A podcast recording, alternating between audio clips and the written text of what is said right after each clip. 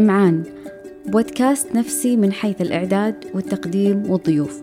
الهدف من هذه المدونة الصوتية هو طرح ومناقشة العديد من الجوانب النفسية وأكيد يسعدني تلقي اقتراحاتكم حول الموضوعات اللي حابين إننا نتكلم عنها.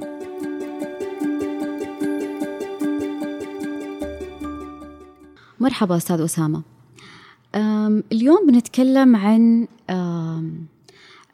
المعالج النفسي. في كثير من المراجعين اللي جوني مروا أشخاص يدعون أنهم معالجين نفسيين. مثلا ناس في في تخصصات خلينا نقول تربوية أحيانا تخصصات دينية أحيانا تخصصات التخصصات اللي إحنا بنسميها سود العلم الزائف الناس اللي في الحرية النفسية الناس اللي في البرمجة اللغوية وهكذا. بيجون للعيادة وبتكون حالتهم النفسية أصبحت أسوأ. تصورهم عن مشكلتهم وعن نفسهم صار أسوأ لأنه يعتقد أنه هو راح للشخص الصحيح أو الشخص المناسب و... وما انحلت مشكلته فيتصور إنه مشكلة في... إنه مشكلته خلاص ما راح تنحل ف يعني تتطور المشكلة أكثر. خلينا نتكلم عن من هو المعالج النفسي؟ فيما يخص السؤال هذا من هو المعالج النفسي؟ نحتاج ان نعرف يعني تأهيل المعالج النفسي. عشان يكون الإنسان أخصائي نفسي كلينيكي آه، يحتاج أن يحصل على تدريب مكثف في عيادة نفسية من قبل شخص مؤهل آه، في كيفية الجلوس مع آه، المريض في كيفية تطبيق النظريات في كيفية صناعة الأسئلة وطرحها ما هي المحاذير؟ إذا هناك سلسلة من التدريبات يحصل عليها هذا الأخصائي لكي يستطيع أن وهناك بنية معرفية وعلمية قوية إذا هناك سلسلة من التهيئة والتدريب يحصل عليها الأخصائي النفسي الكلينيكي لكي يحصل على لقب كلينيكي. وكمان أستاذ أسامة لازم يكون التدريب تحت إشراف آه، شخص متخصص في هذا المجال. بالضبط بالضبط. آه لازم يكون هناك هذا الشيء زي ما أنت تفضلتي تحت إشراف شخص مؤهل آه في هذا المجال. و ويكمل لا يقل عن ألف ساعة تدريبية آه، ويكون معتمد من قبل آه، جهة آه، يعني جهة اعتبارية مثل الهيئة السعودية للتخصصات الصحية أو أي هيئة أخرى بحسب الدولة. وعشان يستطيع أن يستقبل يستقبل مراجع ويمارس العلاج النفسي. فليس كل شخص لديه علم معناته أنه هو مؤهل انه يمارس العلاج النفسي، يعني إذا كان الشخص متخصص في علم النفس هذا لا يعني أنه معالج نفسي. وإذا كان الشخص متخصص في المجال التربوي هذا لا يعني أنه معالج نفسي. وإذا كان الشخص آه، مدرب في التنمية البشرية هذا لا يعني أنه معالج نفسي. مع احترامي لجميع التخصصات لكن أنا أتكلم الآن فقط عن مزاولة مهنة العلاج النفسي. فينبغي لهذا الإنسان أن آه، أو الذي يطلب العلاج النفسي أن يتأكد هل الشخص الذي أمامي لديه رخصة مزاولة مهنة من الهيئة السعودية للتخصصات الصحية ولا لا؟ في العلاج النفسي. هنا الفرق الذي يحدث الفرق بحيث أنه يعني يذهب للشخص الصحيح ويعني يحصل على الخدمة المطلوبة بالطريقة العلمية الصحيحة. كيف ممكن يتعرف المراجع النفسي على المعالج النفسي المؤهل. آه، أنا أنصح كل مراجع يذهب إلى عيادة نفسية ويطلب العلاج النفسي أن يسأل عن مؤهلات الشخص الذي آه، سيدخل عليه. وهذا الشيء من أبسط حقوقه. فهل هذا الإنسان متخصص في العلاج النفسي؟ طيب إيش هي شهاداته؟ طيب إيش هو تدريبه؟ هل هناك مرجعية؟ يعني عنده رخصة مزاولة مهنة مثلا من الهيئة السعودية للتخصصات الصحية؟ هل تدرب؟ هل حصل على تدريب مثلا في في العلاج النفسي ولا لا؟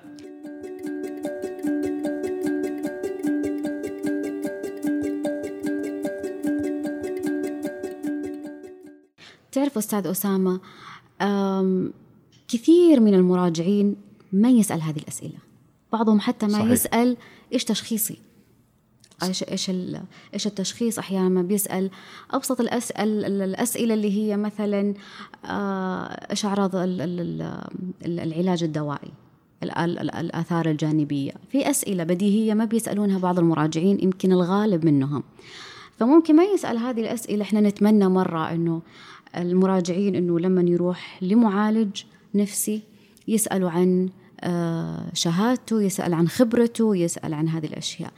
هل في أشياء ثانية ممكن من خلالها يتأكد أنه فعلا عند معالج مؤهل؟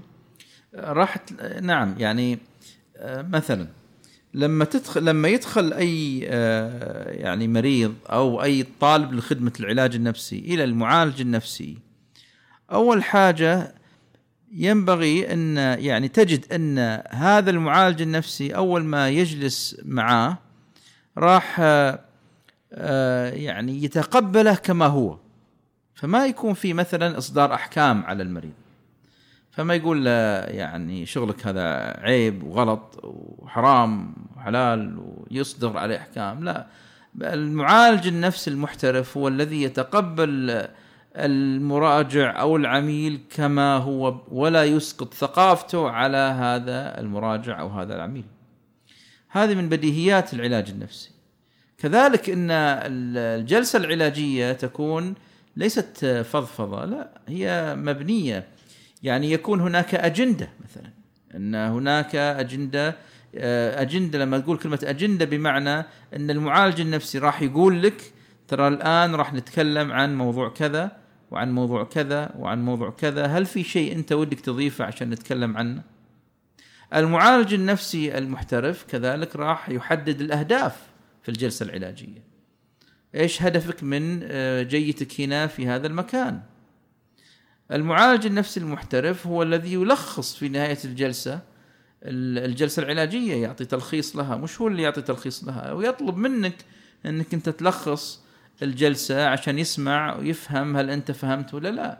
المعالج النفسي المحترف هو الذي ياخذ منك تغذية راجعة. هو لا يستنكف انه يسمع منك انتقاد تجاه الجلسة بحيث أنه يطور من الجلسة ويعرف هل أنت مرتاح ولا مش مرتاح كيف وضعك ولا لا. المعالج النفسي الجيد هو الذي يستمع أكثر مما يتكلم الذي يمارس فن طرح الأسئلة وليس فقط الحديث.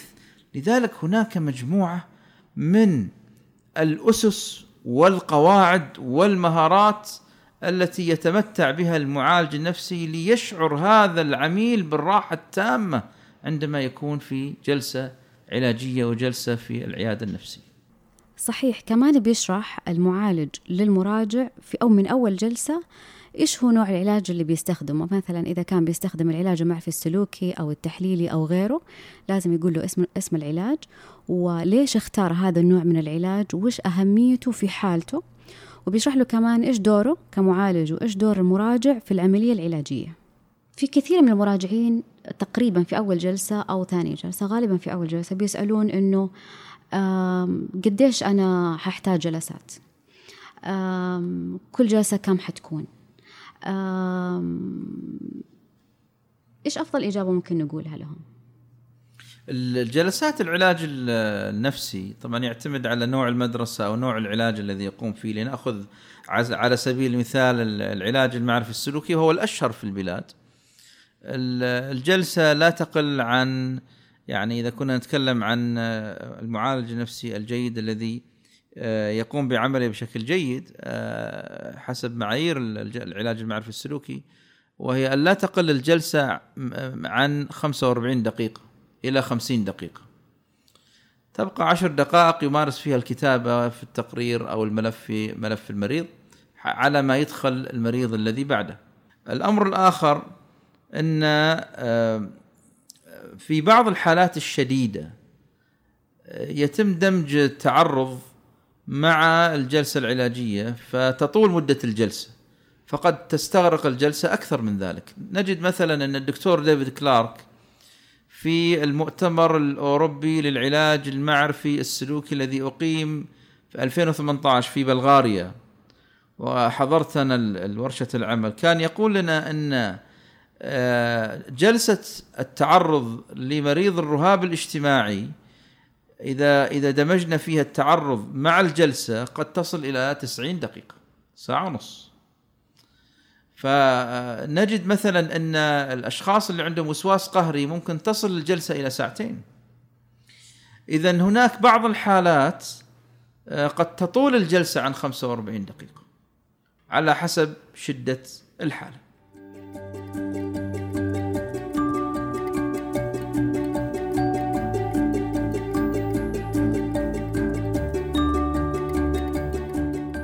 الجلسات النفسية سواء جلسات التقييم أو العلاج بتستغرق تقريبا من 45 دقيقة إلى 60 دقيقة. ممكن يخطر في بال البعض كيف بيكون تقسيم هذا الزمن؟ آه، التقسيم في في الجلسة يعني هناك كما ذكرت يعني آه، سابقا هناك جلسة التقييم بحيث أن تكون هناك جلسة تقييم جلسة التقييم الأولى يسمونها سيشن آه، تعتمد على حوالي أربعة عناصر رئيسية. أول شيء الاختبارات. آه، ثاني حاجة اللي هو التاريخ المرضي ثالث حاجة الأعراض. رابع حاجة اليوميات. فأنا أبي أعرف يوميات هذا المريض إيش هي. هذه قائمة عليها هذه أربعة أشياء قائمة عليها جلسة التقييم. آه بعد ذلك آه نضع الأهداف في الجلسة الثانية. وجوديث بيك كانت تقول إن نضع الأهداف بشكل عام في جلسة التقييم ونضع الأهداف بشكل مفصل في الجلسة الأولى ما بعد التقييم. آه، وهناك آخرون يختلفون معها إن لا جلسة التقييم لا يوجد فيها أهداف لكن الأهداف توضع في الجلسة الجلسه العلاجية الأولى ما بعد التقييم. فيعتمد آه، آه، على يعني اتفاق العميل مع المعالج في مثل هذه المواضيع. آه، آه، اذا هناك جلسة تقييم ثم يعقب جلسة التقييم هذه أولى جلسات العلاج والتدخلات العلاجية. وإذا كانت الحالة خفيفة يعني آه، تكون الجلسات يعني من خمسة إلى سبعة. إذا كانت حالات متوسطة تكون الجلسات 12 جلسة. إذا كانت الحالات شديدة قد تصل الجلسات إلى 20 20 جلسة تقريبا. متى ممكن آه للمراجع النفسي إنه يغير معالجه النفسي؟ طيب هنا نحتاج إن نلتفت آه، إلى آه، ما يتعرض له العميل للعيادة الذي يزور العيادة النفسية، هناك عدة أسباب تجعل هذا العميل يقرر أن يغير المعالج النفسي، أول شيء للعميل الحق في أن يغير المعالج الذي يذهب إليه. آه، فهو ليس مجبور لكن هناك آه، مجموعة من المؤشرات إذا رآها هذا العميل فعليه تغيير المعالج. من ضمن هذه المؤشرات أن لا يوجد هناك تقدم في الحالة. فما يقارب إذا مر على العميل ما يقارب من ثلاث إلى أربع شهور آه، ولم يتحسن هنا على العميل أن يقرر تغيير المعالج. من ضمن ذلك من ضمن تلك المؤشرات أيضا أن المعالج يجد مثلا أن المعالج هذا يبدأ بإسقاط قيمه وثقافته على العميل. وهذه من الأشياء اللي تجعل هذا العميل يغير المعالج. تجد مثلا أن المعالج يتحدث أكثر مما يسمع ولا يلتفت مثلا إلى كلام العميل يكون مشغول بالجوال بالتليفون بالورقة. هذا ليس احتراف. فيضطر هنا العميل أن يغير يغير المعالج. نجد مثلا أن العميل يكتشف أن هذا المعالج مدعي ولا يحمل أي ترخيص لمزاولة المهنة. هنا يغير العميل المعالج. نجد مثلا أن ال ال ال ال يعني يتفاجأ العميل بأن المعالج يريد بناء علاقة شخصية معه. خلينا نطلع بعد الجلسة. عطني رقم تليفونك الشخصي خلينا نسولف مع بعض. خلينا نتعشى مع بعض. أو العكس. فهذا الشيء يعني يخلي العميل إنه يقرر أن يغير آه، المعالج. آه، يجد مثلا من الأسباب كذلك أن المعالج يبدأ بتجاوز الخطوط الحمراء مثل انه يلمس العميل. وهذا الشيء في تجاوز. الأصل في الطرف كعلاقة بين الطرفين أنه لا يوجد هناك أي لمس من قبل المعالج تجاه العميل. فإذا حصل مثل هذا الشيء يحتاج هنا العميل أن يلمس يده يلمس شعره أو يلمس هنا ما ينبغي انه آه، يعني آه، يكمل العميل مع هذا النوع من المعالجين. نجد هذا المعالج مثلا آه، من الأسباب كذلك انه يبدأ يكشف أسرار مرضى آخرين أمام العميل. وهذا كذلك من الأشياء اللي تخليك أنت ما تضمن كعميل أو كمريض أنك أنت تكمل مع هذا المعالج لأن أسرار آخرين كشفت فما ما في ما في شيء مضمون إنه راح ما يكشف أسرارك. آه، تجد إن هذا المعالج مثلا لا يعترف بخطأه ولا يعترف بأنه أخطأ أو قصر فيعني يكون في اتهام تجاه العميل هنا تقرر تغيير المعالج.